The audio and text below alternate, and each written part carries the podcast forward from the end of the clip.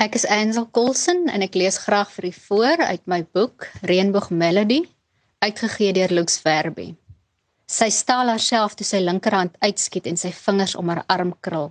Hy is buite homself van woede. "Jy maak my seer," kners sy deur haar tande.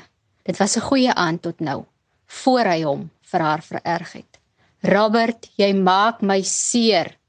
Deur haar gedagtes flits 'n duisend en een redes hoekom sy nie hierdie een keer haarself kon bederf met die oorbelle wat sy so lank al begeer het. Oorbelle wat sy eers by hom gekoer het voor. Net ietsie kleins, maar duur genoeg om haar te laat voel. Sy verdien iets spesiaal. Wat probeer jy regkry, vroumens? sis hy deur sy tande. Sy maak haar mond oop om haar optrede te regverdig. Dis nie geld wat sy op die huishouding moes spandeer nie. Dit was 'n lekker vet ekstra wat sy verdien het met die stelering van die bruid en haar gevolgse hare vanoggend. Boonop het die juwelier langs haar salon die oorbelle afgemerk. Dis uniek want hy het dit self ontwerp en gemaak. Sy moes dit net hê. Ek het nie geweet jy wil dit nog vir my koop nie. Ek het die geld. Dan ryk jy nog na drank ook met sy regterhand kry haar aan die keel beet terwyl sy elmboog met geweld teen haar diafragma stamp as die muur nie agter haar was nie was sy sweerlik nou op die grond. Ek het ek sy het een glas wyn gedrink terwyl sy haar slaai gemaak het.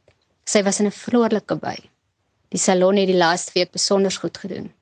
Maar toe hy die oorbelle sien, vind hy sommer fout met die slaai en met haar en alles voeter in 'n oogwink uitmekaar. Die kinders prewel sy. Hy was nog nooit so buite homself nie. Sy kon dit aan sy houding sien die oomblik toe hy by die deur ingestorm het. Moeilike dag op kantoor, het sy gedink. Hy moes homself weer op 'n Saterdag in sy kantoor afsloof, alles sodat een van die grootste bankgroepe in die land nog meer welvarend kan word. Sy sien hoe woede in sy oë blits. Sy sien die uiterste selfbeheersing wat hy probeer toepas.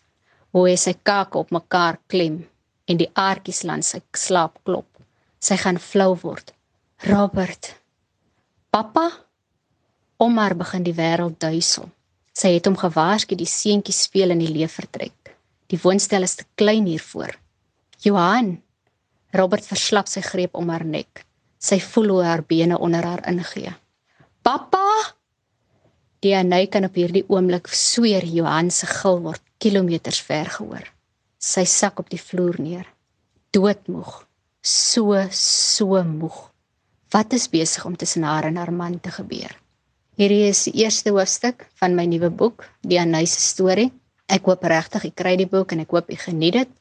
Dis te koop by alle goeie boekwinkels en dis 'n storie wat my baie na in die hart lê, juis omdat dit inspireer is deur soveel kennisse en vriende van my wat met uitdagende omstandighede gemoeid is en tog ondanks hulle omstandighede, ondanks die krisis waarin hulle hulle bevind, moes hulle leer om te vergewe, hulle moes leer om weer te vertrou en hulle moes leer om die vraag te antwoord: wanneer is genoeg werklik genoeg?